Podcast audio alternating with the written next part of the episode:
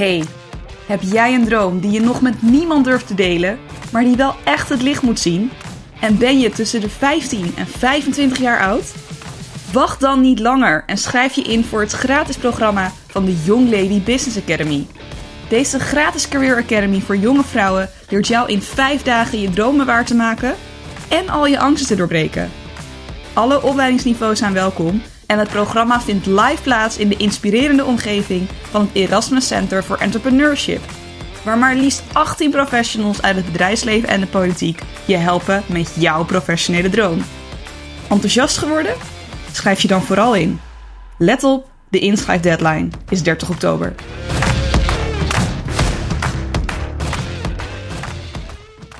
Welkom bij een nieuwe aflevering van de podcast van de Young Lady Business Academy.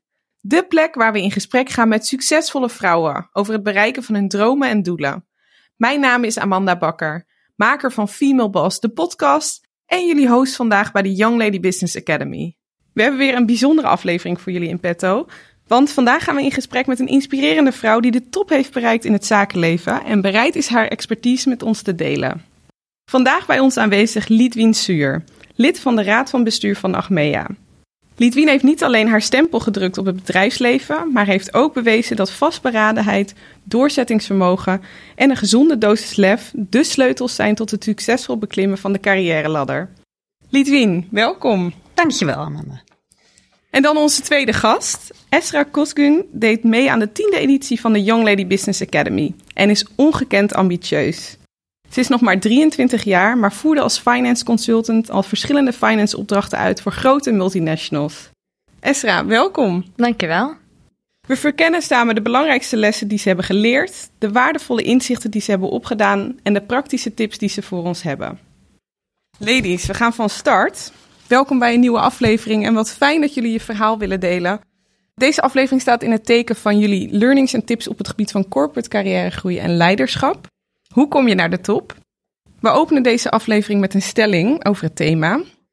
Leiderschapsposities worden vaak ingenomen door mensen met een sterk netwerk en connecties, in plaats van op basis van hun capaciteiten. Hoe kijken jullie naar, ladies? Ik ben het uh, niet met de stelling eens. Um, ik denk dat je even in het algemeen, dit gaat dan om topposities zoals jij het noemt, maar in het algemeen carrière maken gaat toch echt ook wel heel veel over inhoud. Maar een deel van carrière maken is wel een netwerk opbouwen. En dat gaat er natuurlijk een beetje om, heb je dan een netwerk, heb je dan een voordeel? Als ik even terugdenk is, ik had totaal geen netwerk in deze branche toen ik begon. Maar natuurlijk is het zo dat bij zeg maar, de laatste stappen die ik gemaakt heb, dan helpt het wat je kan, maar ook wie je kent. Maar dat bouw je ook op tijdens het werken. Mm-hmm. Dus dat, ik zie het meer als onderdeel van. Maar het is zeker niet zo dat een netwerk belangrijker is dan wat je kan, denk ik. En wanneer kwam je daarachter dat het op een gegeven moment wel van belang is? Het hebben van een netwerk? Nou, ik denk een beetje in het midden van mijn carrière ben ik een tijdje uh, directiesecretaris geweest van een, van een directie. En dat is eigenlijk hartstikke leuk, want je kan eigenlijk in de keuken meekijken van wat gebeurt daar? Hoe nemen zij besluiten? Hoe gaan ze met elkaar om? Terwijl je er niet echt onderdeel van bent. Hè? Ja, je zit natuurlijk te maken, maar je zit er wel bij. Ja. En dat vond ik hartstikke interessant. En toen eigenlijk pas toen ik wegging en een, en een volgende baan zocht, toen dacht ik, oh, maar al die mensen in die directie waar ik twee jaar bij heb gezeten, die kunnen mij ook helpen met de volgende stap, want die kennen mij goed. En toen was ik eigenlijk een beetje een soort, nou, blond verrast bijna. Dat ik dacht, oh, dat is eigenlijk ook wel heel handig. Want die, die hadden inmiddels, sommigen hadden ook een andere baan of bij een ander bedrijf. Uh, maar daar ben ik toen wel gaan praten. Veel, wat zou een goede stap voor mij zijn? Of uh, jij kent mij een beetje, wat zou ik nu moeten gaan doen? Dus ik, ik kwam daar eigenlijk een beetje ja, per ongeluk achter. Dat goed. En ja, en, je bouwt altijd een netwerk op als je gaat werken. Weet je? Het, je kan niet niet een netwerk opbouwen. Nee, maar jij deed er wel iets mee. Want ik hoor je ook zeggen van je ging met die mensen afspreken om dat ook te bespreken, die ambities. Was dat nog een spannende stap of een bewust? Nou, ik denk dat dat inderdaad wel een stap is. Hulp vragen. En als je naar iemand toe gaat en zegt van joh, ik sta op, op zeg maar een kruispunt. Ik moet bedenken wat ik hierna wil gaan doen. Wil je eens met me meedenken? Nou ja, negen van de tien mensen is ook een soort van gevleid. Ik ook, als mensen dat nu aan mij vragen. Zeg, oh jeetje, wat leuk. Ja, tuurlijk, gaan wij een uurtje over sparren. En als je dat eenmaal drie keer hebt gedaan en je hoort die reactie. En dan zegt ook echt wel eens ik iemand, oh wat leuk, maar ik heb er geen tijd voor. Hè? Dat kan ook. Ehm, ja, daar, daar, daar win je enorm veel mee en daar hoor je heel veel. Dus dat stapje moet je wel even durven zetten, denk ik. Ja, ja dus niet bang zijn om om hulp te vragen, hoor ik je Absoluut. zeggen. Want mensen vinden het ook leuk over het algemeen om te helpen. En nee is ook oké om soms te Ja, ontvangen. zeker. Want ik denk dat heel veel mensen het wel spannend vinden om ook ineens misschien juist als je een andere positie wil nemen, dat dat best spannend is om te delen. Ja, heel veel ook jonge mensen, ook binnen en buiten het bedrijf, ook hier die ik spreek, eindig ik heel vaak met, joh, als er nou eens wat is of als ik je ergens mee kan helpen, mail me, bel me. Te gek. En dat kan je ook doen, weet je waarom? Omdat zo weinig mensen het doen. Ah. Terwijl het natuurlijk hartstikke leuk is, ja, niet iedere week, maar als Ja. iemand een keer belt, vind je, eetje, kan je me eens even verder helpen? Tuurlijk is dat leuk. Dat is waar veel mensen denk ik ook bang voor zijn. Van ja, maar iedereen vraagt dat en waarschijnlijk ga ik dan een nee krijgen. Maar dat valt dus eigenlijk best mee. Ik in mijn ervaring valt het enorm mee. En als iemand een keer zegt, joh, hartstikke goed, maar ik ben heel druk. Of ja, weet je, dat hoeft ook geen drama te Niet zijn. persoonlijk nemen. Nee. Nee, goede tip. Ja. Esra, wat vind jij van de stelling? Ja, dus leiderschapsposities worden vaak ingenomen door mensen met sterke netwerken en connecties in plaats van op basis van hun capaciteiten. Ja, ik sluit me sowieso erbij aan wat eh Litwin ook zegt. Maar ja, ik denk niet dat het echt alleen door je netwerk komt, maar ook door je capaciteiten natuurlijk. Maar netwerk speelt ook een heel grote rol. Tot op heden ook eh, probeer ik zelf mijn netwerk heel erg uit te breiden. Praten met mensen die in een hogere positie zitten. Waar ik later bijvoorbeeld ook wil gaan eh, zitten. En eh, ook doen wat zij op dit moment doen. Wat Dus mooi. ik denk dat het eigenlijk beide een rol speelt. Je hebt natuurlijk capaciteiten die je graag wilt laten zien. Maar daarbij ook de mensen vragen om hulp eigenlijk. Van wat kan ik doen? Hoe kan ik me ontwikkelen? En wat heb jij gedaan om in die positie te komen? Dat is denk ik wel heel erg belangrijk, eh, wat Lidwien ook zegt. Eh, En hoe kom jij uit bij die mensen? En wat vraag je ze dan? Want dat is wel eens wel spannend. Van hoe open je dat gesprek? Ja, dat is zeker spannend. Vooral als, het, als je echt weet dat diegene gewoon een managerfunctie heeft. Of echt bijvoorbeeld met Lidwien het, het gesprek aangaan. Ja, ik denk gewoon oprecht open zijn. En gewoon naar diegene toestappen en vragen van... hey, kan je me helpen bij dit of dat? Of echt je vragen voorbereiden, dat helpt ook wel. Ik heb wel een paar sleutelvragen van... eh, hey, hoe is je dag gegaan bijvoorbeeld vandaag? Of kan je me helpen bij dit? Of hoe zou jij dit gaan aanpakken, et cetera? Dus denk ik wel echt specifiek eh, ja, naar die mensen toestappen en vragen. Kun je een voorbeeld noemen van wie je hebt benaderd en hoe dat is gegaan? Ja, ehm, nou, goede vraag. Moet ik even nadenken. Maar meer over bijvoorbeeld de opleiding. Ik wil een opleiding gaan volgen, de master. En gewoon specifiek vragen naar eh, welke school is dan geschikt. En hoe heb je het daar ervaren. En welke vakken heb je allemaal gehad. Waar liep je tegenaan bijvoorbeeld. Dat ik dan ook alvast kan nadenken van wil ik dat ook doen. En eh, kan ik daar ook overheen stappen. En wat vond je juist leuk? Dus echt specifiek erop ingaan eigenlijk. Ja, ik denk dat dat wel een goede voorbeeld is. En dat heeft je ook al verder gebracht. Ja, ik heb uiteindelijk een keuze kunnen maken van eh, welke studie en welke school en eh, hoe dan. En ik weet nu dat het een drukke periode gaat worden bijvoorbeeld. En wat ik kan verwachten qua studiebelasting en met werk, hoe dat te combineren is bijvoorbeeld. En eh, nog een goed voorbeeld misschien. Ik wil uiteindelijk tot registeraccountant gaan. En wij hebben op de afdeling een registeraccountant. En ik ben naar hem toegestapt. Is onze manager van... eh, hey, het lijkt me leuk om een dag mee te lopen met jou. Om te zien van eh, wat doe je allemaal. En wat kan ik verwachten als ik straks registeraccountant ben. Wat moet ik allemaal doen. Et cetera. Dus we hebben aanstaande donderdag eh, wat gepland. Ga ik een halve dag meelopen met Gek. hem. Dus eh, ja, van dat soort dingen denk ik eigenlijk. Dat is een hele mooie, denk ik. Want Ja, dat, wat jij ook aangaf, jij zat er zelf eigenlijk heel dicht op het vuur in die rol die je toen Ja. had. Maar stel dat je die rol niet hebt, Ja. kun je even goed uitreiken naar mensen om ervaring op te doen. Van is dit iets voor mij voordat je misschien helemaal dat pad inslaat of juist denkt dat het niks voor jou is. Inderdaad. Ja. Gewoon door te ervaren. Ja, Ja. wat Ja. mooi. Litwin, je bent momenteel lid van de raad van bestuur van Achmea. Wat doe je in zo'n functie? En is het altijd al iets waar je van droomde? Uh, nou, wat doe ik in, de, in deze functie? Wij besturen met, met zes mensen in totaal. Bestuur van zes mensen besturen wij uh, het volledige Achmea-bedrijf. Het zijn ongeveer 14.000 mensen in Nederland en vijf andere landen. Uh, verzekeraar, financiële dienstverlener. In Nederland kennen denk ik de meeste mensen Achmea van merken als uh, Zilveren Kruis, Centraal Beheer, Interpolis. Vaak nog wel bekender dan de naam uh, Achmea, maar dat behoort allemaal tot hetzelfde concern. Ja, en wat doe je dan met elkaar? Wij zijn in de Raad van Bestuur relatief veel tijd kwijt met uh, de strategie. Hè? Dus waar gaan we vanaf nu over een paar jaar naartoe. Dus wat minder met gisteren, vandaag en morgen, maar wat meer met overmorgen. Mhm. Al komen heel eerlijk gezegd gisteren, vandaag en morgen ook in voldoende onderwerpen nog wel langs. Ja. En ik denk dat wij meer dan in andere managementfuncties bezig zijn met de juiste mensen op de juiste plekken krijgen. Dat is natuurlijk cruciaal aan de top van een bedrijf, ook in de lagen onder ons. Dat je daar echt de goede talenten en ook de goede samenstellingen van teams hebt zitten. Dus daar besteden wij ook relatief veel, uh, veel tijd aan. En hoe doen jullie dat? Nou, wij, uh, wij, wij zitten iedere week bij elkaar. En dat gaat over dit soort onderwerpen, maar dat gaat ook over heel veel ja, formele dingen. Ook in de financiële dienstverlening zijn er heel veel dingen hè, qua toezichthouders, qua controls die moeten en die wij uh, met elkaar bespreken. Wij sturen allemaal een deel van de organisatie aan, dus daar besteden we ook de rest van de week aan. En uh, meerdere keren per jaar gaan wij wat meer achterover met de voeten op tafel zitten over hé, hey, waar staan we, waar moeten we naartoe en wat is de volgende stap. Dus ja, het is eigenlijk ook vooral heel veel lezen en vergaderen, okay. als je het heel kort zegt. Ja, ja, ja. En wat spreekt jou het meeste aan daarin? Wat vind je het? Nou, je zei ook van, heb je dit nou altijd al willen doen? Nee, mm -hmm. ik had dat, ik heb nooit bedacht van, uh, als ik, ik ben nu 48, als ik uh, 48 ben, dan zit ik in de raad van een bestuur van een, van een verzekeraar. Ik ben wel na mijn studie op mijn 23ste, net zo oud als jij nu, ben ik wel bij een andere verzekeraar begonnen in een Oh, traineeship. Okay.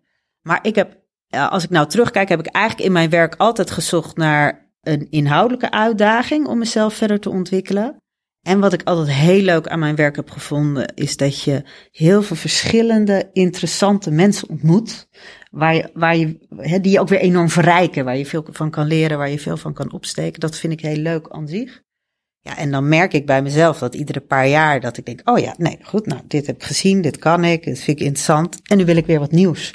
Ja, en dan gaat het meer van stap naar stap en kom je hier uit. Maar dat was geen uh, vooropgezet plan. Nee, maar leuk om te horen ook die verschillende stappen en dat dat allemaal kan leiden tot zo'n droombaan voor velen wel. Ja, en ik denk ook wel, weet je, kom je daar dan eerder als je van tevoren denkt, ik wil daar komen. Ik heb altijd zoiets van, ja, weet je, je eigen top is uiteindelijk waar jij blij van wordt en waar je ei in kwijt kan. Klinkt een beetje simpel, maar zo is het wel. Ja. En voor de ene is dat misschien uh, raad van bestuur van Achmea. En voor de ander is het misschien partner bij een accountantsfirm. En voor de ander is het misschien wel HR-manager. Dus het gaat me nog niet eens om Nee. wat dan die plek is. Als die bij jou past en als jij je daar fijn in voelt, dan is dat denk ik de plek waar je naartoe moet willen. Ja, super. Mooi, mooi pad. Uh, je was een van de rolmodellen bij de Young Lady Business Academy en gaf daar een masterclass. Wat was de belangrijkste les die jij die jonge vrouw wilde meegeven? Ja, ik vond het superleuk ten eerste. Zoveel ambitieuze jonge vrouwen, ook met een enorme diversiteit qua wat voor soort achtergrond, maar ook wat voor soort ambities ze, uh, ze hebben, hadden in die groep. Ik kreeg daar al heel veel energie van. En wat ik ze vooral mee wilde geven is, zoek je eigen pad. Ik denk zeker zo tussen je, zeg maar even, twintigste en dertigste. Uh, er zijn enorm veel mensen die een beeld hebben van wat jij zou moeten doen of moeten willen of moeten zijn. In werk, maar ook privé, uh, wel of geen kinderen, hoe je je leven indeelt. Ik vind het al een uitdaging genoeg om erachter te komen wat jij wil. En om dan vooral iedereen die daar verder wat van vindt, of het nou je moeder, je schoonmoeder, je vriendin of de buurvrouw is, dat maar misschien gewoon te laten. Ja, mooi. En heb je daar zelf iets in ervaren? Dat je zegt, nou, ja, zeker. Ja? ja? zeker. Ik heb, een, uh, ik heb een tweeling van net 15. Oh, wow. En uh, nu vindt iedereen dat helemaal prima. Maar toen ik zwanger was, uh, met zo'n hele dikke buik liep, was het niet te ontkomen dat ik een tweeling ging krijgen. Ja. Toen letterlijk werd mij vijf keer in de week gevraagd: Oh jeetje, en hoe ga je dat dan doen met je werk? En als ik dan zei: Ik blijf fulltime werken. En waarom neem je dan kinderen? En oh. hoe ga je dan een band opbouwen met je kinderen? En dat kan toch allemaal helemaal niet? En dan kwamen we van dat feestje of waar we waren af. En dan zei ik tegen mijn man: joh, Heeft iemand jou nou gevraagd? Hmm. Hoe jij dat gaat doen als onze tweeling er is. En dat was natuurlijk nooit helemaal niemand. Nee. Ja, daar vonden heel veel mensen wat van. En ik dacht, nou, ik stond vrij stevig in mijn schoenen en wij hadden het er samen over gehad hoe we dat gingen doen. Dus ik denk, dat komt goed. Maar toen dacht ik wel, ja, als je gevoelig bent voor wat de omgeving van je vindt, ja. dan was die periode van, zeg maar, zwangerschap in die eerste twee jaar daarna, was best een stevige periode. Ja, dat is interessant. hè. Dus inderdaad bij vrouwen en gezinsleven, dan Zeker. hebben er heel veel mensen een mening eigenlijk over wat je wel en niet zou moeten doen, helemaal in combinatie met werk, privé. Ja, en ik hoop eigenlijk dat dat nu beter is, 15 jaar later. Ja. Maar ik heb zomaar het idee dat dat echt nog wel eens... En het is nooit goed, hè? Want als Ja. je thuis blijft bij je kinderen, vinden ze er wat van. Als je parttime gaat werken, vinden ze er wat van. Als je fulltime gaat werken, vindt men er wat van. Dus trek vooral je eigen pad. En hoe kon jij zo dicht bij jezelf blijven en steeds blijven voelen van oké, nee, maar ik heb zelf een beeld van wat ik wil en dat je niet liet leiden door al die ruis om je heen? Ja, het is eh, gedeeltelijk intuïtief. Eh, gedeeltelijk is natuurlijk wel als je een partner hebt, is het wel handig dat je het er samen over eens bent hoor. Ja. Dat is nog een klein detail misschien. Dat zegt Els ook altijd het gesprek aan de keukentafel. Dat Is is, wel heel gevoerd. belangrijk. Ja. Eh, maar ja, dat je omgeving er anders tegenaan kijkt. Ja, weet je, prima. Maar ja, ik denk dat je dat ook wel naast je neer moet durven leggen. En achteraf gezien, als die kinderen dan helemaal een jaar of twee zijn en dat gezin functioneert en iedereen krijgt elke avond te eten en er zijn geen grote, geen grote paniek, denkt iedereen, oh, oh, nou, zo kan het dus blijkbaar ook. ja. Dus dat, dan, Dan, wordt en dan is het een ook weer soort weg. rolmodel. Ja. Ja. ja. En eh, dus dat is ook wel heel, dus dat is ook maar tijdelijk. En hebben jullie wel eens ervaren dat er wel een beslissing is beïnvloed achteraf gezien dat je denkt, oeh, dat was misschien toch niet helemaal mijn eigen besluit? Ja, ehm, nou, ik denk dat ik zelf wel, wat Lidwien ook zegt, best bij mezelf ben gebleven tot op heden. Heel veel eh, stereotypes van een vrouw moet deze baan hebben of moet dit doen en dat doen. En ja, is een hbo-studie wel nodig nog, et cetera. Dus dat, dat merk ik wel. En vooral bij jouw masterclass ook wat je net zei over moederschap. Ik had voordat ik begon eh, aan de Young Lady Business Academy ook eigenlijk een beeld van kan je als moeder ook wel fulltime werken en hoe moet je dat combineren? Maar precies wat je zegt tegen een man wordt dat niet gevraagd. Terwijl waarom zouden wij dat als vrouw dan niet kunnen als het ware? Dus eh, dat bleef mij wel echt hangen van wat jij zei over je kinderen van ik bleef fulltime werken en het kan gewoon, et cetera. Dus dat heeft me echt wel echt hoop gegeven eigenlijk. Dat is echt blijven hangen. Dus ik vind dat heel leuk dat je dat ook gewoon blijft vertellen. Want dat had ik ook wel echt in mijn gedachten voordat, eh, voordat ik had meegenomen en je masterclass had gehoord. Dus dat vond ik wel heel fijn eh, ja, om te Ja, horen. het resoneert dus wel. En ik denk ook dat het onderwerp heel vaak wordt natuurlijk gesproken van... ja, moeten we het er nou nog over hebben? Omdat hè, het gaat er altijd dat de vrouw daarover... dus dat de vraag aan de vrouw wordt gesteld. En toch denk Ja. ik wel dat het belangrijk is om het hier ook weer te benoemen. Omdat er... Het is ook voor veel jonge vrouwen en vrouwen in het algemeen wel een vraag... die op een gegeven moment soms in hun leven voorkomt. En dan is het wel fijn om daar enige houvast in te hebben... van wat is daarin mogelijk en onmogelijk... en hoe blijf ik dicht bij absoluut. mezelf. En ik denk dus dat er heel veel mogelijk is. Dus eigenlijk is het, is het moeilijkste veel, wat vind ik belangrijk? En Want ik heb ook heel veel respect voor vrouwen die zeggen, joh, ik blijf de eerste vijf jaar thuis. Bij wijze van. Ja. Hè? Ja. Ik bedoel, dat is ook een keuze. En dat, als dat financieel allemaal kan, denk ik, nou, en jij wil dat graag, good Ja. for you. Maar om daarachter te komen wat jij belangrijk vindt. En ik denk dat het ook andersom is. Als je het belangrijk vindt, krijg je het ook georganiseerd. Ja. Want het is natuurlijk best wel even een beetje kunst en Ja. vliegwerk. Ehm, hè, maar dat is hetzelfde als met een zware studie naast je werk doen. Als je het belangrijk vindt, dan lukt dat. ja. Als je denkt, nou, ik ga eens even kijken hoe het lukt, ja, dan hou je dat geen paar jaar vol. Dus dat, dat, er zit ook wel een soort kip-ei-discussie in. En op welke manier blijf je nou dicht bij jezelf en voel je nou echt wat je zelf wilt? Want dat is denk ik ook de uitdaging tussen alle ruis die er is. Ja, ik denk uiteindelijk als je niet bij jezelf blijft, dat je echt dat wel voelt. Van, eh, ik voel me eigenlijk niet echt gelukkig in de keuzes die ik op dit moment maak. En hoe kan ik wel dan gelukkig worden? En wat heb ik daarvoor nodig? Wat kan ik dan doen om dat te doen? Dus ik denk dat het echt gevoel is, dat dat wel eh, je onderbuikgevoel van, eh, er gaat iets mis, het gaat niet goed, maar wat moet ik daar dan aan doen om het wel goed te krijgen, denk ik. Ja, en dat is ook een vraag die blijft, hè, voortdurend. Ik denk dat het super helpt als je vandaag zegt, nou, even met de kennis van vandaag, daar wil ik over vijf jaar zijn, bijvoorbeeld.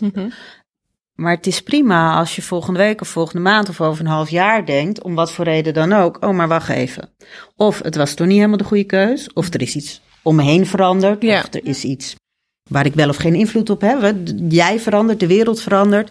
Dus het is ook heel goed om daar eens in, zeggen ze, een paar maanden eens bij stil te staan. hey, is dit nog steeds de weg? Voel ik me er goed bij? Dat is natuurlijk echt wel de grote controlevraag. En hoe doe en moet jij ik dat? iets aanpassen?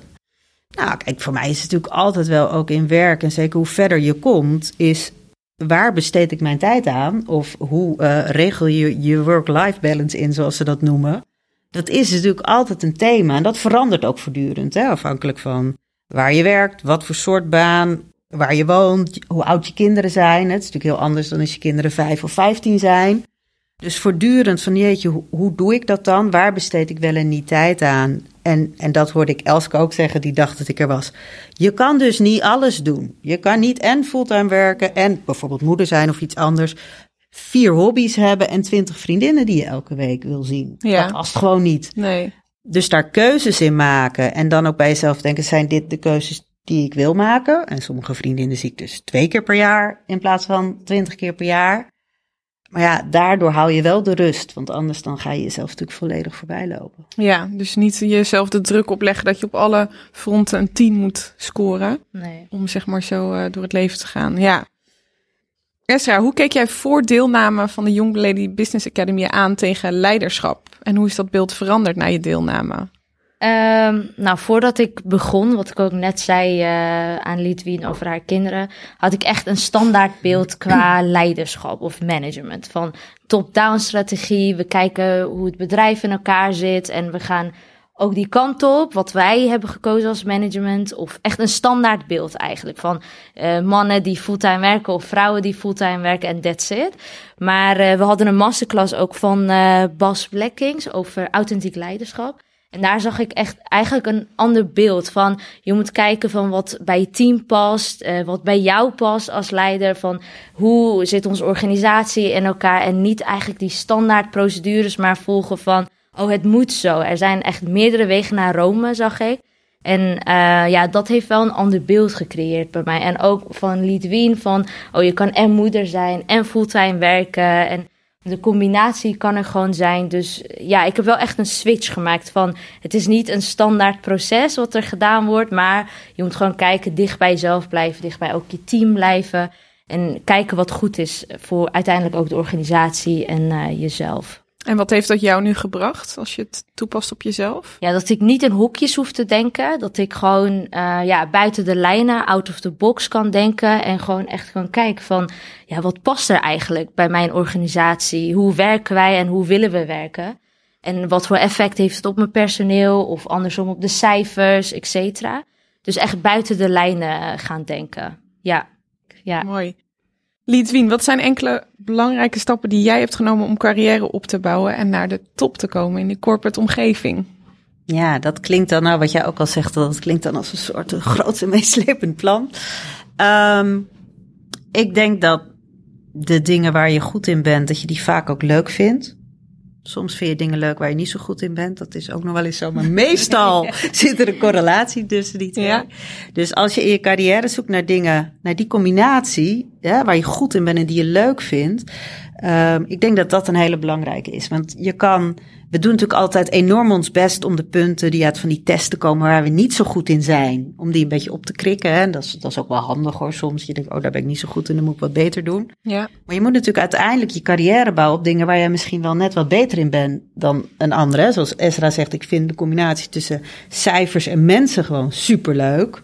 Ja, er zijn heel veel mensen die zeggen, nou, ik ben blij dat jij dat, wat, hè, dat, ja. dat jij dat doet, want daar ben ik niet goed in. Dus dat, dat helpt enorm. En ik denk, wat voor mij enorm geholpen heeft, is toch, nogmaals, het is geen vooropgezet pad. Dus je gaat van baan naar baan. Als je ambitieus bent, kies je vanzelf ook wel voor een grotere verantwoordelijkheid.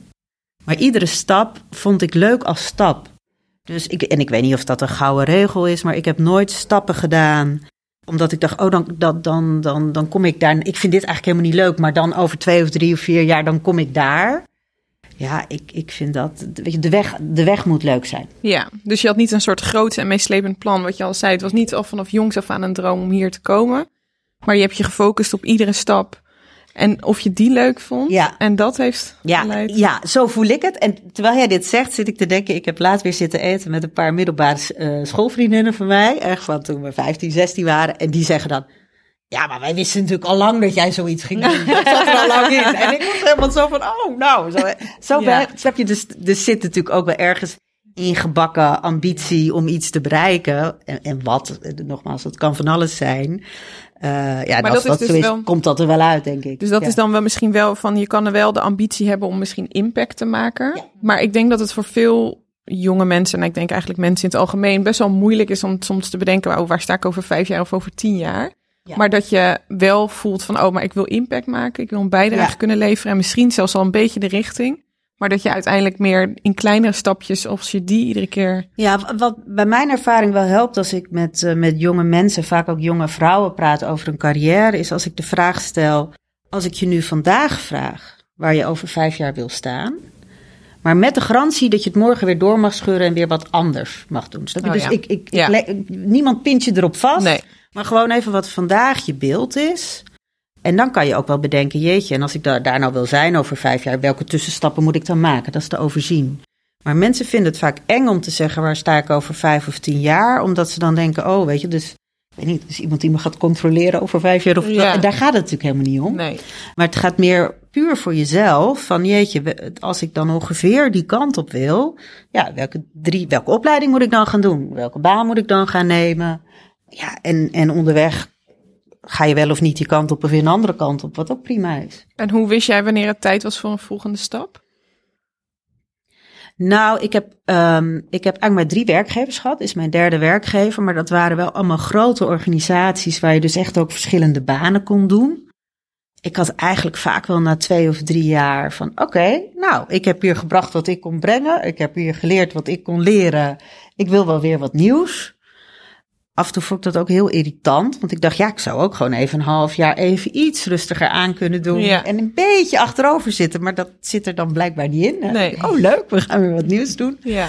Eh, dus dat is meer een soort natuurlijk iets. Ja, en soms is het ook door de organisatie, er verandert iets. Of een reorganisatie. Of, eh, of je krijgt een baan niet die je had gewild. Eh, ja, dat is natuurlijk een andere les. Je leert vooral ook wel van dingen die niet lukken. Ja, wat kun je een voorbeeld geven van iets dat niet is gelukt? Nou, ik heb toen ik een jaar of, even kijken, 30 was, ongeveer mijn carrière. Toen hadden we ook weer een reorganisatie en eh, dingen samengevoegd en anders en enzovoort. En ik had toen al best een hele leuke functie en ik kreeg die baan niet. En ik bleef een soort van over, zeg maar.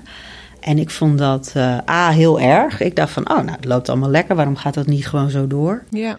Uh, maar ook wel hoe dan de omgeving op je reageert. Hè? Dat je opeens niet meer interessant bent of niet meer meedoet.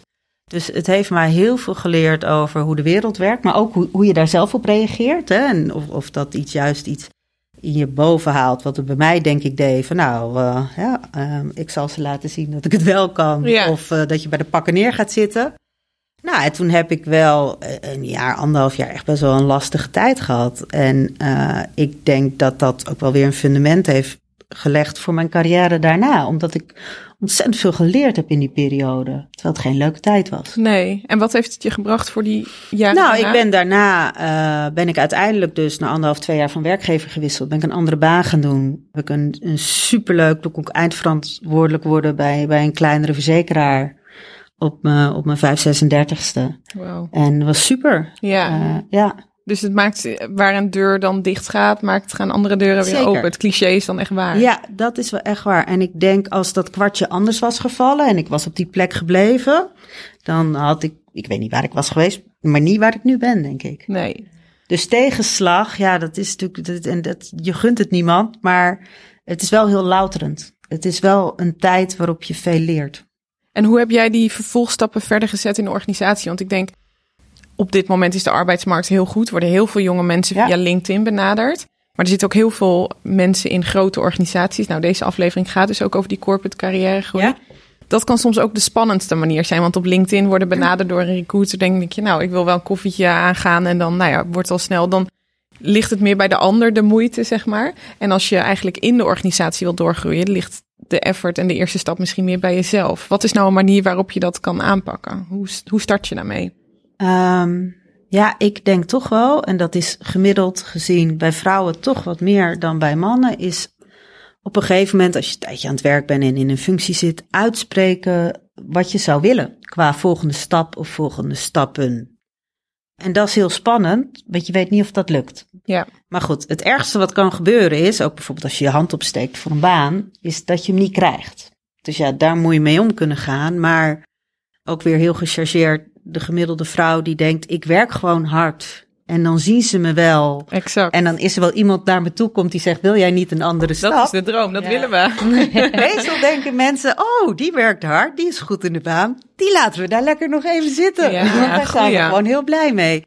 Dus toch wel, hè. En, en dan helpt het ook als je zegt, ik wil niet morgen iets, maar ik zou volgend jaar of het jaar daarna wel iets willen. Hè. Dus ook iets van tijd, ruimte. En misschien ook niet die functie, maar ongeveer die richting of dat vakgebied. Ja, En kunnen we daar met elkaar over nadenken of, of hè, wa- wanneer er iets vrij zou komen of hoe ik dat ga doen. Dus ja, daar toch wel expliciet in zijn en dus ook een beetje een risico nemen. ja.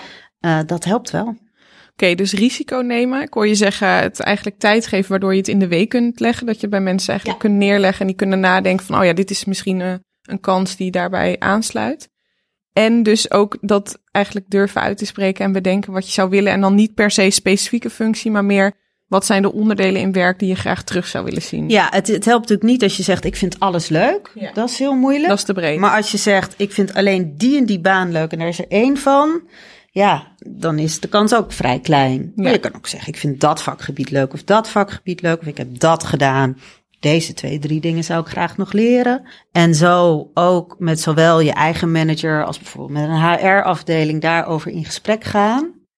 Ehm, ja, en wat ik ook nog wel een tip vind, maar ja, dat is, ik zie dat soms. Ik zie ook wel eens mensen die, daarvan heb ik het idee, hé, hey, jij bent meer bezig met je volgende baan dan met je huidige baan. Oh ja. Dat is misschien ook niet helemaal. Dus je moet er Nee. wel tijd aan besteden. Ja, Maar dat is meer eh één keer in de maand een middag dan eh, drie dagen in de week. Je zit er natuurlijk ook gewoon om je, om je huidige job goed te doen. Dat, dat moet de basis zijn. en voeren mensen dat soort gesprekken nu ook wel eens met jou? Ja, zeker. En wat geef je hen dan mee? Ja, dat ligt denk ik heel erg. Ik probeer altijd een beetje te brainstormen met elkaar. Ik zeg vaak tegen iemand die zegt: Jeetje, ik weet niet wat ik wil. Ik zeg: Nou, pak even die hele Achmea-organisatie. Meestal kennen ze die natuurlijk wel als je hier werkt. Ik zeg: Streep even overal alle namen weg. Welke drie of vier plekken ga jij nu je naam invullen? Mooi, ja. En dan krijg ik een beetje een idee van: Oh, als ik nou echt even mag dromen, dan wil ik dat. Of wil ik Ja. jouw baan? Of wil ik Ja, Hè, dus, en dan met elkaar, oké, nou goed, eh, waar denken we dat, het is ook heel praktisch, waar denken we dat er een plek vrijkomt? Eh, zijn er mensen die gaan wisselen?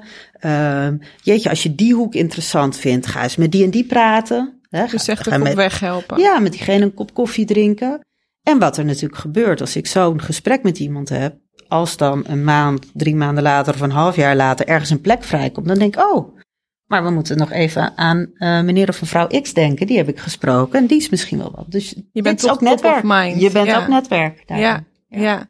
En dus dat je misschien ook achter organisatieontwikkelingen komt die je anders niet weet zelf, als Ja. medewerker gewoon in je Zeker. huidige rol. ja. Ja, Of, of een deel van de organisatie die je niet kent. Oh, ik denk dat dat stuk heel goed bij is, zeker bij een groter bedrijf. ja. Hè, ga daar een keer langs. Of zoals jij net zei, hè, ga, vraag of je een keer een dag mee mag lopen. Ja, ja. Zeker intern in een groot bedrijf kan dat natuurlijk vaak ja. best Ja. makkelijk. En ik denk ook soms dat we te veel als mens, tenminste dat heb ik, dat we te veel focussen op de titel die erbij staat. Ja. Manager Finance bijvoorbeeld. Superleuke titel, heel mooi ook. Maar ja, wat doet hij dan? Wa- Wat is de inhoud ervan? Misschien vind je het helemaal niet leuk en denk je van, oh, ik vind operationele dingen juist veel leuker dan het manager van een team bijvoorbeeld. Dus ik denk ook dat dat stukje focus op de inhoud, dat dat ook een belangrijke is. Om echt te vinden wat jij nou kan, wat jij leuk vindt. Ja, goed punt. Ja. En dus te kijken naar bijvoorbeeld functiebeschrijvingen, om te kijken Ja. van nou, wat is de invulling van een functie en welke items je daarin aanspreken. En dan dus dat los te laten van de titel, omdat dat in verschillende posities kan terugkomen misschien. Ja, Ja, en zeker als je jong bent. Hè, het is ook niet altijd goed om te zeggen: ik wil inderdaad een functie hoger of een schaal hoger of wat dan Ja. ook. Want op een gegeven moment kan je ook minder makkelijk in de breedte heen en weer. Als je bijvoorbeeld als, als specialisme ergens heel hoog in een boom zit. Dus juist wat eerder in je carrière bijvoorbeeld is gewoon een switch op hetzelfde niveau maken naar een ander vakgebied. Ja, dat kan hartstikke leuk zijn. Ja. En dan komt daarna wel weer een stap eh, omhoog in je carrière. dus verbreden is ook een soort Ja, van strategische absoluut. stap. Zeker. Ja, En hartstikke leuk ook. Ook om erachter te komen wa- wat je niet wilt trouwens. Ja. Nee, maar het is echt dat... eh, ja. kom je weer een stapje dichter bij je droombaan natuurlijk. Lidien, ben je ook wel eens uitdagingen tegengekomen Nee, nooit. Nee. nou ja. in jouw groei? ja, tuurlijk. Nou, wat ik net al vertelde, hè, dat was Ja. natuurlijk echt ook wel een moment in mijn carrière dat ik dacht, oh wacht even, het loopt anders dan ik gedacht had en hoe ga ik hiermee om? Ehm, ik heb altijd wel van die fases gehad in mijn carrière. Soms ben je een periode weer heel erg bezig met ja, zeg maar je persoonlijke ontwikkeling en je competenties, je leiderschap, je vaardigheden. En dan soms als ik weer op een andere plek of een andere verantwoordelijkheid heb, ik denk, oh, ik wil gewoon weer eens even op de inhoud, op een bepaald vakgebied uh, me doorontwikkelen. Dus ja, die uitdagingen. Um, ja, ik heb ook wel een soort um, al het gevoel van uh, je krijgt ook de uitdagingen die bij je passen op dat moment. Hè, in het begin als je net werkt, dan uh, stel je bent net leidinggevende en je moet een je moet een slecht nieuwsgesprek met iemand voeren. Ja, daar kan je bij wijze van spreken drie nachten over wakker liggen. Ja. En terecht, want het gaat over mensen, super belangrijk. En een paar jaar later moet je een grote reorganisatie doen. En toen denk je, jeetje, drie jaar geleden lag ik nog wakker van dat ene gesprek. En nu moet ik iets met eh, honderd uh, mensen anders gaan inrichten. Dus ja, het komt, de uitdagingen komen ook af op, ik denk op een niveau die je meestal wel aan kan. Ja. Ik heb daar wel een soort geloof in. En dat bevordert weer je ontwikkeling, zeg maar. Ten ja, als je nieuwsgierig blijft en wilt leren. En ook niet denkt, oh, dat kan ik. Ik word altijd heel zenuwachtig van mensen. Oh, volgende reorganisatie. En dan moeten tien mensen ontslagen worden. Ach ja, dat kan ik nu wel. Dan denk ik, oh, dat vind ik heel eng als iemand dat ja. gaat zeggen. Ik heb liever dat je denkt, oeh, dat moeten we even weer op een hele nette manier doen, op een goede manier doen en op een hele mensgerichte manier doen. Ja, die zorgvuldigheid uh, dat die dat meebrengt. Ja. ja, met die spanning. Ja. mooi. En mooi om te horen dat dat ook altijd nog terugkomt. Want dat is misschien ook wat, nou ja, vrouwen heel vaak denken dat je ook bij groei 100% al van de, van de eigenschappen moet hebben. Of in ieder geval de, de capaciteit om die functie te kunnen vervullen. Maar dat is eigenlijk niet zo. Nu hoor ik je dat ook indirect een beetje zeggen van het mag allemaal nog wel spannend zijn. Ook omdat er nog groei in moet zitten. Ik vind een van de sterkste eigenschappen van leiders, ook op mijn niveau, als iemand zegt dat weet ik niet. Of daar heb ik geen ervaring mee. Of dat heb ik nog nooit gedaan. Dat durven of zeggen. dat is niet mijn expertise. Of ja, dat is veel sterker dan dat je een soort halfzacht verhaal gaat ophangen wat misschien niet helemaal klopt. Ja. Dus zeggen dat je iets niet kan of niet weet, ja, uh, op ieder niveau, maar ook op ons niveau, uh, werkt vaak enorm verhelderend. Mooi, ja. Dus je hoeft in die zin niet uh, fake it till you make it. Nee. Hoe belangrijk is mentorship en sponsoring voor vrouwen die streven naar leiderschapsrollen? Wat zijn manieren waarop vrouwen ook sponsoren en mentoren kunnen vinden? Hebben jullie daar ervaring mee en gebruik van gemaakt?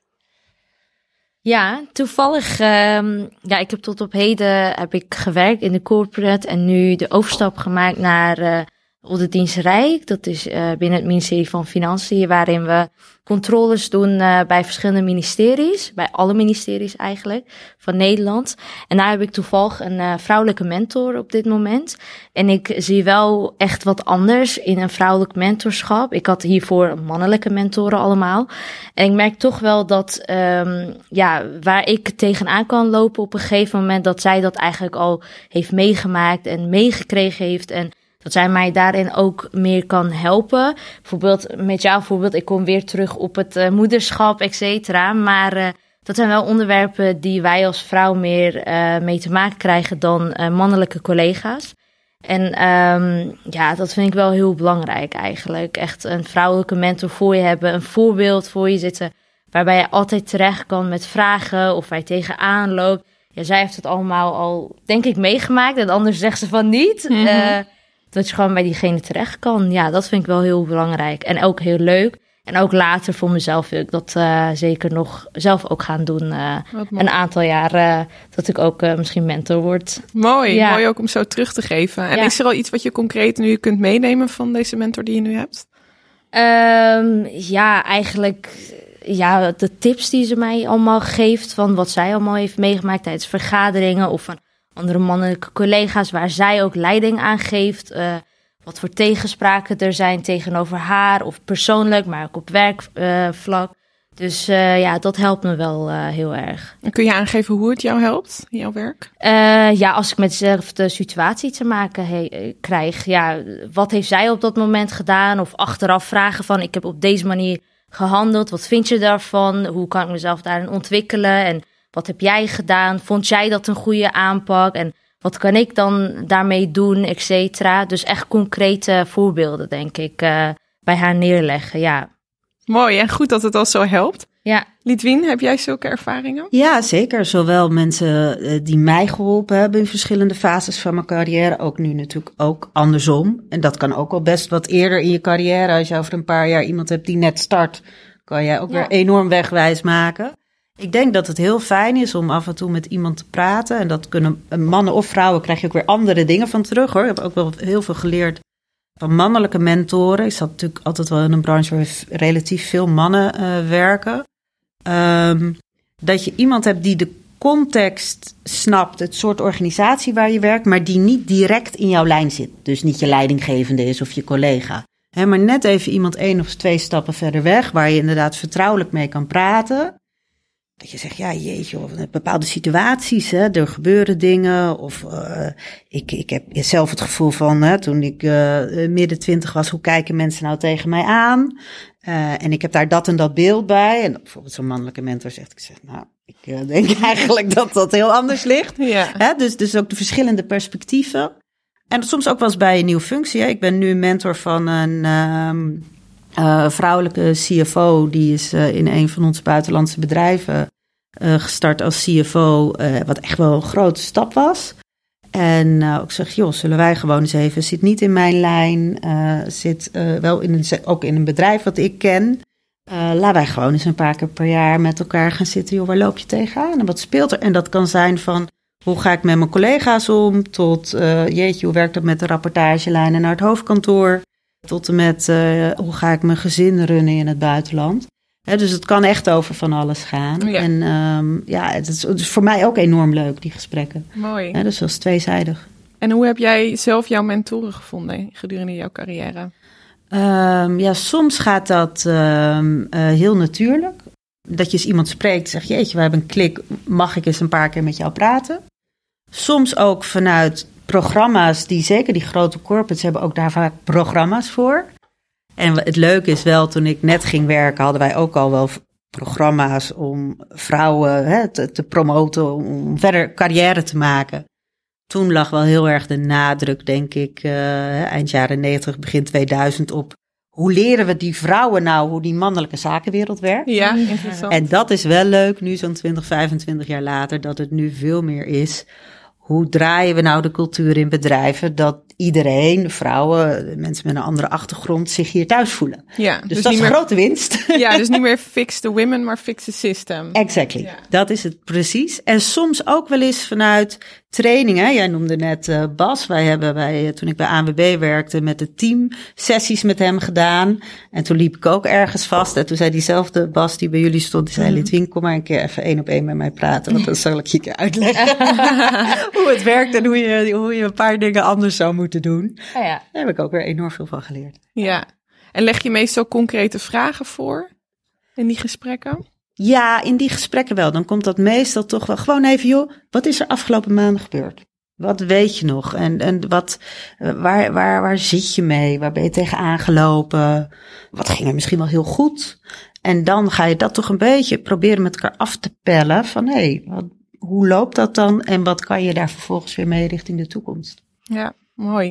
Ik ben ook benieuwd hoe je die uitdaging, bijvoorbeeld je zegt hoe was de afgelopen maanden, schrijf dat ergens op of blijft dat eh, hangen bij je? Hoe, hoe doe je dat? Hoe Ja. leg je dat uit?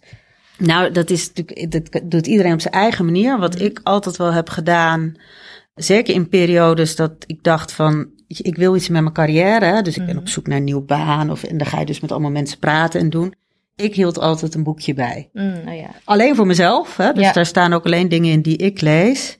Eh, maar onder het mom van, hey, eh, wie heb ik gesproken? Wat kwam daaruit? Wat waren de tips? Of wat neem ik mezelf voor? Ik ga die bellen of ik ga dat doen. Ja. En dan wist ik ook wel, want je bent natuurlijk ook gewoon aan het werk. Als dan dat boekje daar lag en daar was een maand niet in geschreven. Ja, als jij niks doet, gebeurt er niks. Hè? Dus, dus dat vond ik heel fijn. Maar dat is ook een beetje, eh, ja, dat is natuurlijk, iedereen heeft zijn eigen manier om dat te doen. Dat Ja. werkte bij mij heel goed. Oké. We hadden het net even over de programma's die er ook waren om, eh, om vrouwen eigenlijk eh, nou, verder te brengen in corporate organisaties. En dat nu iets meer gefocust op, is op, de, op het systeem en de organisatie, hoe die aansluit bij alle diverse medewerkers die er Ja. zijn. Zijn er enkele vaardigheden en eigenschappen die wel essentieel zijn voor jonge vrouwen die willen groeien binnen zo'n corporate? Ehm, nou, ik denk ehm, eh, flexibiliteit en openstaan, ook voor kansen. Mhm. Maar dat maakt dus eigenlijk niet meer zoveel uit of dat nou mannen of vrouwen is. Hè? Nee. Ehm, Hoe doe je dat? Openstaan voor kansen? Nou, ik had vandaag nog een gesprek met een paar eh, eh, jonge talenten bij ons, ook allemaal begin twintig. En toen hadden we het over, ja, wat wordt nou je volgende baan? En wij hebben in Nederland bijvoorbeeld bedrijven in Apeldoorn, in Tilburg, in Leiden, in, in Leeuwarden. Dat je zegt, ja, en is dat dan erg als die volgende baan misschien, als jij in Apeldoorn woont, in Leiden is? Je, het moet niet, maar als jij denkt, ja, ik wil echt meer leren van die organisatie en ik, ik wil openstaan voor nieuwe kansen, ja, dan moet je misschien wel zeggen, ja, weet je, dan zit ik eh, twee uur in de trein. En er is geen goed of fout in, maar het is wel een keus. En Ja. zeggen, ja, maar ik wil alleen baan in Apeldoorn doen. Ja. Oké, maar dat is een ander pad. Ja, Hè, dus echt dat die flexibiliteit. Ja, die flexibiliteit, dat openstaan is denk ik belangrijk. Nieuwsgierig zijn. En ook gewoon hard werken. en je baan goed doen. Ja. Ja, dat is ook denk ik wel een beetje de basis hoor. Ja. Herken jij al dingen daaruit? Dat je denkt van... Ja, die- vooral het openstaan voor nieuwe kansen, denk ik. Ik denk dat daarbij ook een beetje durf erin komt. Het durven doen. Want eh, ja, ik had eigenlijk een beetje meer van, oh, ik krijg een nieuw project bijvoorbeeld. En kan ik dat wel? Echt Mm. afvragen van, oh, eh, gaat dat wel lukken? Ben ik er 100% goed in? Eigenlijk, ja, dat zijn we allemaal niet, denk ik. We weten heel veel misschien wel, maar ook heel veel niet. Dus ik denk ook durven om die stap te kunnen maken van, oh, ik ga het doen, maar het kan ook fout gaan. Ja, wat gebeurt er dan? Juist dan ga je meer leren van, oh, hoe moet ik het dan wel goed doen, et cetera. Dus dat durven, daar ben ik nu wel zelf ook echt mee bezig van het durven doen, die stap zetten en openstaan echt voor die eh, kansen, denk ik. Ja. Dus je bent je ook bewust van die belemmerende overtuigingen die even door je hoofd schieten van, Ja, oh nee, kan ik dit ja, wel? inderdaad. Ja, die angst eigenlijk. Gewoon van, oeh, gaat het wel lukken? En wat als ik het nou fout ga doen? Wat moet ik dan doen? Et cetera. Maar nu, ja, ik probeer eigenlijk ook te werken aan, als ik een fout maak, wat ga ik dan doen? Het gewoon aangeven van, oeh, ik heb een foutje gemaakt. Hoe moet ik dit oplossen bijvoorbeeld? En dan gewoon, ja, leren en proberen de volgende keer niet die fout te maken. Of als het weer gebeurt, proberen om het zelf op te lossen bijvoorbeeld. Eh, ja, eigenlijk die stappen zetten. Dus eh, En als je Ja. nou een paar van die momenten hebt, hè, dat je denkt, oeh, spannend, maar ik, ik, hè, ik neem die Ja. sprong. ja. Hoe vaak is het dan fout gegaan? Of is het mislukt? Bijna niet eigenlijk. Ja, bijna niet. Nee. Want tijdens het proces ook van, oh, ik ga het doen. Dan ga je al beginnen met vragen stellen. Oh, ik weet niet hoe dit werkt. Kan je me helpen? Of de andere collega vragen van, hey, kan jij me helpen? Oh, diegene weet het weer niet. Dan een andere collega. Dus echt het proces volgen van, als je het niet weet, vragen stellen en hulp vragen. Ja. Dat heeft mij heel erg geholpen, ja, tot nu toe. Een mooie Ja. link met wat jij net aangaf. Ja. Dat dus ook durven zeggen. Dat je soms iets niet weet. Dat volgens mij de hele wereld daar verder mee komt. Want volgens mij zijn er ook heel veel mensen die wel doen alsof ze iets weten, maar het eigenlijk niet weten. Nee, inderdaad. En dan zijn we misschien verder van huis. Dus dat ook gewoon Ja. durven aangeven. Ja, En om hulp vragen. Ja, en ik denk ook echt dat de managers die daar zitten of de teamleiders die daar zeker voor openstaan. Want zij willen ook uiteindelijk dat wij het goed doen. Ja. Dus die staan er ook wel eh, altijd voor open, denk ik.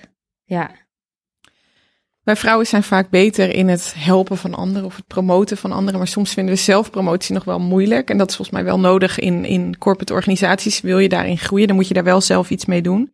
Hoe kun je nou dat zelfvertrouwen opbouwen? Om dus die promotie voor jezelf een keer te doen. Ehm, dat is altijd inderdaad moeilijk. Ik denk dat je daar ehm, ook een manier moet vinden die goed bij jou past. En dan voelt het wat natuurlijker. Dus ik heb het altijd heel fijn gevonden om, zeg maar, ja, zelfpromotie, als je het zo wil doen, eh, noemen, op basis van de inhoud te doen. Bijvoorbeeld een inhoudelijk project wat je een keer aan een directie mag presenteren. Dan voel ik me alweer veel meer Ja, zeker dan als je gewoon ergens iets over jezelf moet gaan vertellen of gaan doen. Ehm, dus het is ook zichtbaarheid in de ja, organisatie. het is ook zichtbaarheid. En daar kan je natuurlijk echt wel keuzes in maken. Ook met wel bepaalde rollen of projecten waar je misschien aan mee kan doen. eh, om ook eh, zichtbaar te zijn en dan ook te laten zien wat je kan. Dus dat was voor mij een manier dus meer op de inhoud en op je werk eh, waarop dat past. En wat later in mijn carrière, toen ik eindverantwoordelijk werd voor een, voor een kleinere verzekeraar. Ja, daar was best belangrijk ook als werkgever dat wij ook in, wat meer in die verzekeringspers en hè, wat meer naar buiten traden. Ja, dat doe je dan ook als als directeur van, van dat bedrijf. En dat gaat natuurlijk hand in hand. Dat gaat over het bedrijf, het gaat over jezelf. Het een is niet los te koppelen van het ander. En dat is ook prima. Ja, Want je representeert een organisatie op dat moment. Maar mensen zien ook jou als persoon. Dus ja, dan krijg je er gratis bij, zou ik bijna zeggen. ja, ja. Ja. En hoe doe je dat actief, bijvoorbeeld die presentatie? Is dat dan een kans die op je pad kwam? Of heb je daar zelf ook wel eens stappen in moeten nemen om toch daar zelf een initiatief in te wel. nemen? Ja, kijk, ik denk dat het helpt als je ambitieus bent. En ook zeker in een grotere organisatie. Dat je probeert banen, maar dat kan ook projecten of hè, dingen naast je baan zijn. Die belangrijk zijn of die aandacht krijgen. Hè, dus zorg dat je ergens een spotlight vindt. En dan is het natuurlijk daarnaast nog wel een tip dat je dan niet volledig onderuit gaat. Dat Nee. wel als je in die spotlight staat. Ja. Maar dus echt waar je kan laten zien wat je kan. Ja, Eh, want er zijn ook ontzettend veel mensen die hartstikke goed werk doen, maar gewoon ergens niet opgemerkt worden. onder de radar. Ja, en dan kan je zeggen, hè, hoe belangrijk is netwerk? Dat klopt, maar daar, daar moet je zelf natuurlijk ook wel iets aan bijdragen, denk ik. En of de kans vragen of een pakken als die langskomt. Eh, Ja. Heb jij iets met jouw zelfvertrouwen op dat gebied gedaan? Ben je daarin Eh, gegroeid? Ja, ik denk het wel in de zin van eh, vertrouwen in jezelf. Ehm, als jij allereerst vertrouwt van, oh, ik kan het, ik weet wie ik ben, ik weet waarvoor ik sta. En dat kunnen uitstralen, dat, dat is wel denk ik een belangrijke. Maar ook het promotie, dat zie ik ook wel heel erg. Vooral LinkedIn gebruik ik best vaak. Ik heb nu twee banen via LinkedIn gekregen. Dus daarin ook promoten jezelf wat je doet, waarmee je bezig bent, et cetera. Dat wordt wel echt gezien. Ook door je interne collega's, maar ook vanuit de buitenwereld. Voor Young Lady Business Academy had ik elke dag een post geplaatst met foto's en een kort berichtje van wat we hadden gedaan. En terugkomst eh, op mijn werk kreeg ik heel veel vragen van... Hey Esra, wat heb je nou gedaan? En eh, wat vond je ervan? Wat heb je allemaal geleerd? Et cetera. Dus dan, dat brengt wel nieuwe gesprekken met collega's, andere gesprekken. En zo wordt je ook wel meer gezien, denk ik. Vanaf buiten, maar ook echt vanaf binnen de organisatie. Ja, zo Ja. even een mindset shift, hè? Want Ja, het is inderdaad... Het, het heeft een beetje een negatieve connotatie, misschien zelfpromotie. Maar het gaat Ja. er volgens mij ook om wat jullie aangeven, die zichtbaarheid. En vooral je sterke kant delen, eh, dingen die je meemaakt delen, resultaten die je hebt bereikt delen. Zodat we er niet, want dat, daar gaan we vaak van uit. Oh, ik hoop maar dat andere mensen het zien, want ik werk heel hard. En dan wordt het vanzelf al zichtbaar. Zo werkt het dus niet. En jij zegt, nou, LinkedIn is daarin ook een hele goede om ja, iets meer Ja. te uiten van dit is wat ik doe, hier hou ik me mee bezig, dit is wat ik leuk vind. En dat andere mensen dat ook opmerken en daar weer positief op reageren. inderdaad. Ja, Ja. dat klopt helemaal. Ja, LinkedIn is wel echt eh, werkgerelateerd. Vind ik dat wel echt een eh, goed platform om dat eh, te delen. En ik denk ook niet alleen successen, maar ook je angsten of wat fout ging, et cetera. Dat ook te delen. Ik denk dat dat ook wel belangrijk is om ook echt kwetsbaar op te stellen. Want we posten allemaal op LinkedIn hele mooie foto's met ik ben afgestudeerd en ik heb een nieuwe baan, et cetera. Dat is heel leuk natuurlijk. Maar ook laten zien wat voor proces je hebt meegemaakt tot je uiteindelijk die baan had gekregen. Of tot je je diploma hebt gehaald. Daar gaat heel veel ehm, dallen en eh, stijgen en dalen. Dus eh, ik denk beide laten zien. Ja, En je successen. Ja, en wat eigenlijk niet goed ging. Nee, Ja. en dat is, we zien meestal het eindresultaat en dan applaudisseert iedereen. Maar er gaat Ja. een heel proces aan vooraf. Inderdaad. En daarmee kunnen we elkaar eigenlijk inspireren. Dus super Ja. mooi dat jullie ook dat ook doen door in deze podcast jullie verhaal te delen. Ja. Ehm, we gaan richting de afsluiting, ladies. Wat zijn de stappen die we nu kunnen nemen om aan de slag te gaan met onze leiderschapskills? Ik ben eigenlijk wel benieuwd wat uh, Lisa Ja, ik gaat zeggen. Eh, wat wij nu met elkaar kunnen doen, of de meiden die zich nu in gaan schrijven. Ja, de of luisteraars. die de luisteraars. Nou eh, ja, dan is het eerste stukje inschrijven. Hè, ik bedoel, Voor de als Young je, Lady Business Academy. Ja, als je die kans krijgt om. eh, je hebt een ambitie en het maakt dus niet uit op welk gebied. En je wil daarin gevoeld en geïnspireerd worden.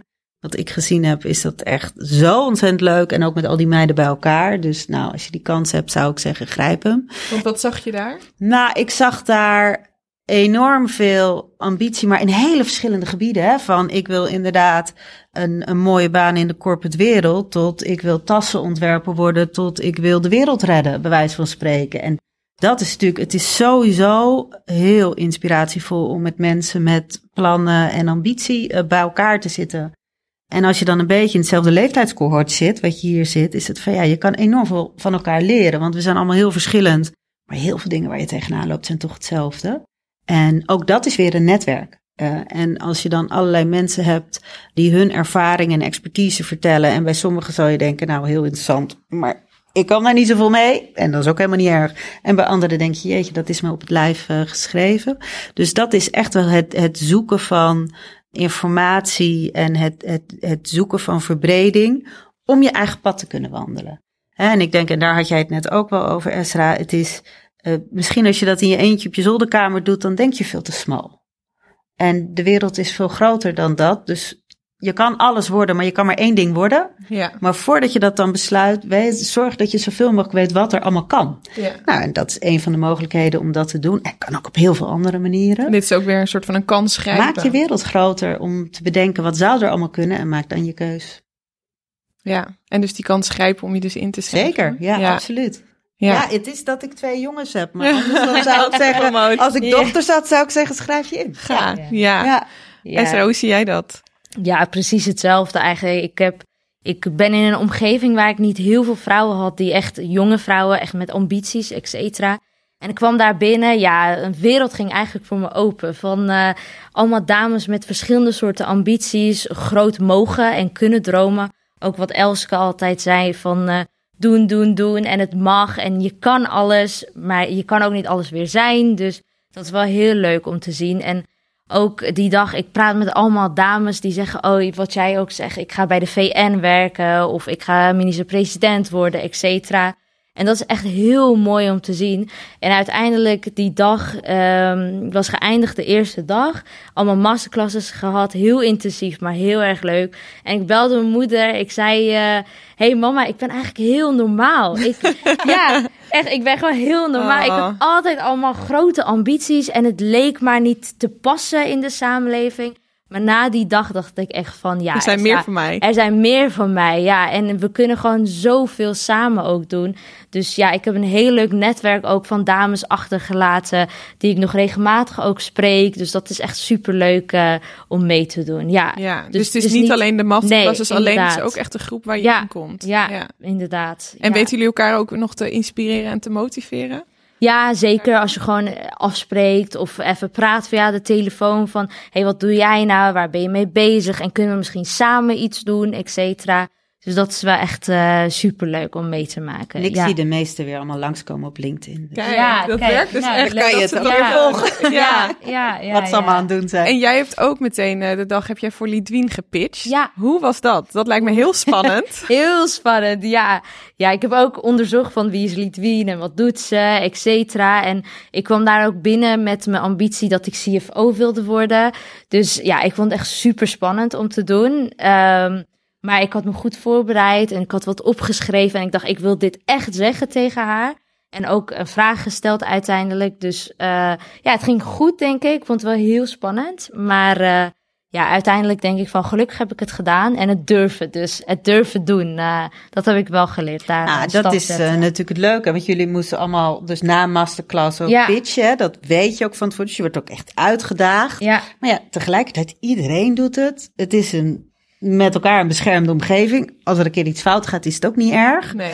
Dus oefenen in zo'n soort context, ja, dat, daar leer je natuurlijk enorm van. ja. Ja. En super mooi dat jij al zo had voorbereid en had ingelezen en dacht ik wil dit aan Lidwien Ja. laten weten. inderdaad. Dus, Ja. eh, Dus ja, echt die ik kans denk- gegrepen. Precies. Eh, Het lijkt allemaal eng en het is spannend, et cetera. Maar als je er overheen stapt, dan is het gewoon gedaan. Dan is het klaar. Ja. Dus dan denk je niet achteraf van... oeh, ik wil dat eigenlijk wel doen, maar toch niet gedaan. Dat, dat gevoel heb je dan niet meer. eh, en dat is echt een heel fijn gevoel. Mooi, ja. Ja. Te gek om te horen wat het heeft gebracht voor jou en ook je aanwezigheid als rolmodel. Dat dat Ja. ook een hele leuke invulling is. Ja, echt heel Wat je daarin terugkrijgt. Heel mooi. Wat zouden jullie aan jullie jongeren zelf willen meegeven op het gebied van leiderschap? Als je nu terugkijkt wat je nu weet en wat je vroeger dacht. Wat zou je dan willen zeggen? Ja, misschien toch wel. Ik heb net eh, gezegd, hè, blijf heel dicht bij jezelf. Misschien had ik dat nog wel eerder willen weten. Dus wel leer van anderen, vraag feedback aan anderen, maar uiteindelijk laat de ander of de mening van de ander niet bepalen wie jij bent. Ik denk toch aan het begin van je carrière, natuurlijk is dat spannend en nieuw. En dat leer je wel gaandeweg. Ik denk als je dat wat, als ik dat met kennis van vandaag wat eerder zou kunnen weten, dan ja, sta je wat steviger op je benen, denk ik. Uh, ja, want dat had je ergens wel eerder willen weten.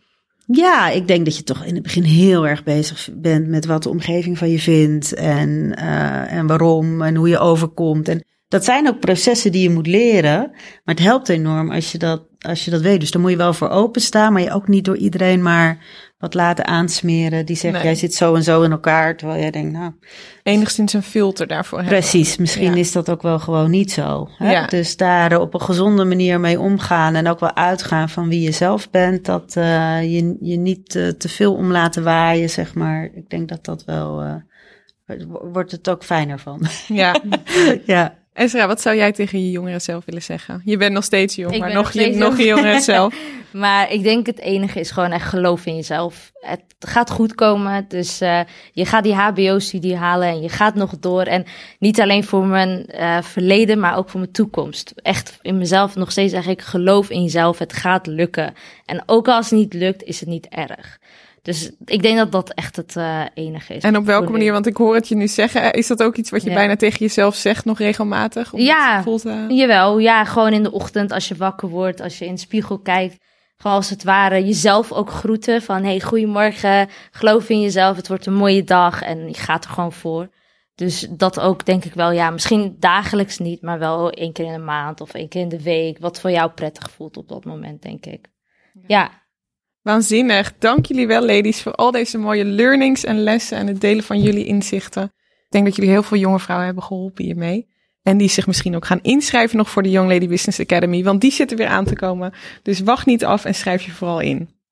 Dankjewel. Dank jullie wel. Dankjewel. Wil je meer weten over de Young Lady Business Academy of zelf meedoen aan dit life-changing traject? Ga dan naar ylba.nl en geef je snel op. Deelname is gratis. Let op, de deadline is 30 oktober.